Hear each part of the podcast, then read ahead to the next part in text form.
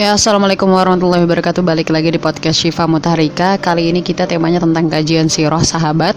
Nah, ini aku baca dari buku Tokoh-tokoh besar Islam sepanjang sejarah. Kali ini kita akan ngebahas tentang siapa sahabat Yang tugas utamanya adalah mencatat ayat-ayat Al-Quran.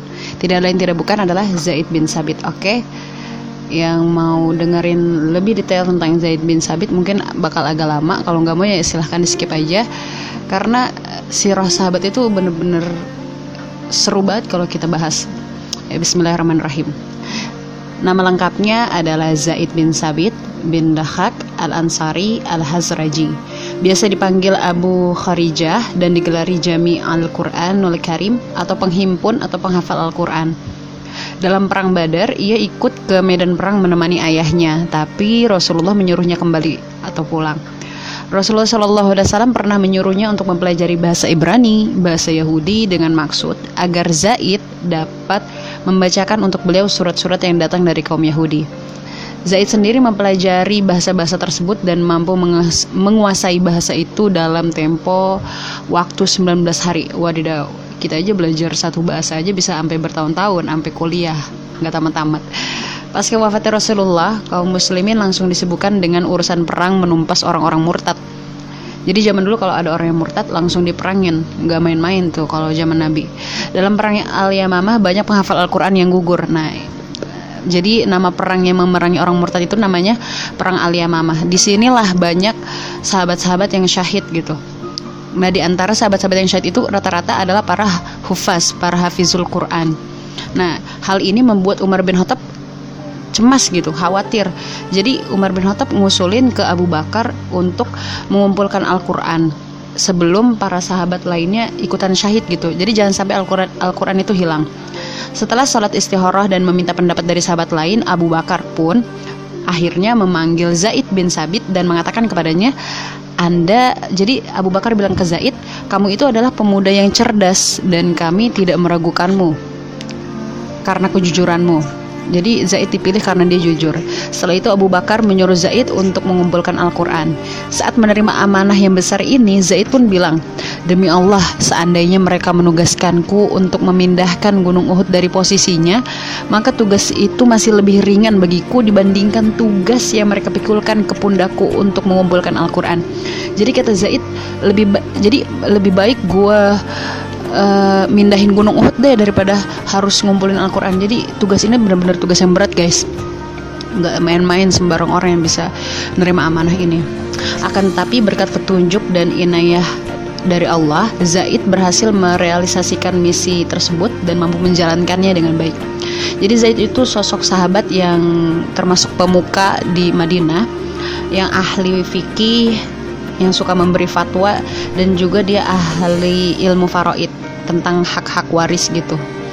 Eh, kalau lu belajar ilmu faraid gila aduh belajar matematika tapi pakai bahasa Arab aduh dah tapi mantul juga sih kalau bisa ilmu faraid kayak ada kepuasan tersendiri gitu. Nah, Umar bin Al-Hattab sering menugaskan Zaid untuk menjadi penggantinya bila ia melakukan kunjungan keluar kota Madinah.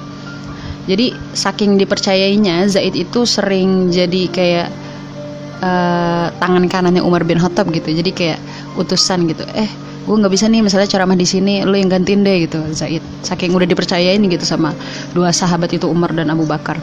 Nah Ibnu Abbas meski kedudukannya tinggi dan wawasannya luas sering kali mengunjungi rumah Zaid untuk menimba ilmu. Kalian tahu nggak Ibnu Abbas itu termasuk salah satu ulama tafsir yang di mana ada Rasulullah pasti di situ ada Ibnu Abbas. Jadi Ibnu Abbas sering uh, mendengar perkataan Rasul gitu. Makanya dia kayak disebut ulama tafsir yang bener-bener dia pintar banget ya. Nah akhirnya Ibnu Abbas sering berguru gitu ke Zaid minta pendapatnya eh, gimana nih Zaid? Jadi kayak minta fatwa gitu.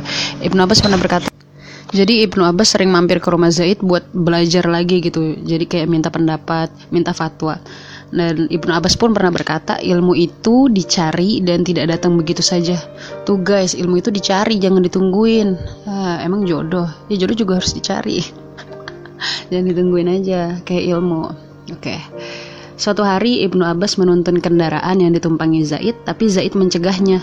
Ibnu Abbas berkata, beginilah kami disuruh bersikap terhadap para ulama kami.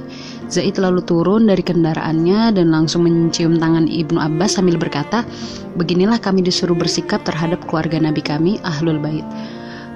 Putranya Zaid itu, jadi Zaid punya anak namanya Khorijah bin Zaid. Dan anaknya Zaid itu adalah salah seorang tabiin besar gitu, uh, ulama kabir ibaratnya. Jadi setelah sahabat urutannya kan ada tabiin gitu tabiin. Jadi anak itu seorang tabiin besar dan salah satu di antara tujuh ulama fikih Madinah pada masanya. Mantul. Jadi anaknya aja udah ulama. Iyalah. Di antara hadis yang diriwayatkan dari Nabi, ia berkata, kami pernah makan sahur bersama Rasulullah. Kemudian kami pergi untuk menunaikan sholat subuh. Salah seorang bertanya, berapa jarak waktu antar keduanya? Zaid menjawab sekitar bacaan 50 ayat hadis riwayat Al-Bukhari dan Muslim. Jadi Zaid ini selain menulis Al-Quran dia juga ternyata menulis hadis juga. Nah, Hasan bin Sabit mencipta syair duka cita atas kepergian Zaid bin Sabit. Ketika dia meninggal, ketika Zaid bin Sabit wafat, banyak orang yang sedih, intinya sedih karena dia berpulang. Ketika melayat, Abu Hurairah mengatakan, hari ini telah berpulang ulama atau tinta umat, hubar al-ummah, tinta umat.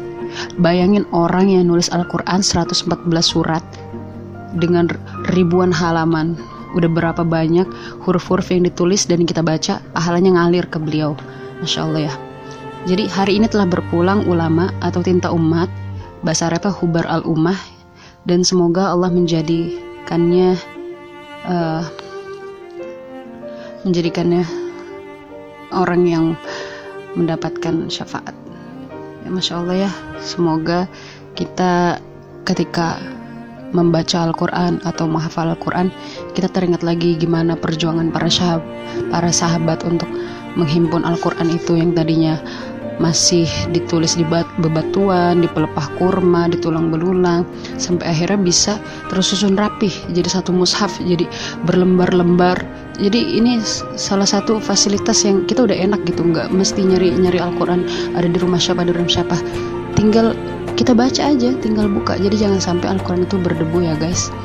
Karena kasihan gitu para sahabat perjuangannya untuk mengumpulkan Al-Quran. Semoga dengan kita makin banyak sejarah para sahabat kita jadi makin cinta gitu sama Al-Quran oke? Okay? segitu aja dulu podcast gue hari ini. Wabillahi taufiq Assalamualaikum warahmatullahi wabarakatuh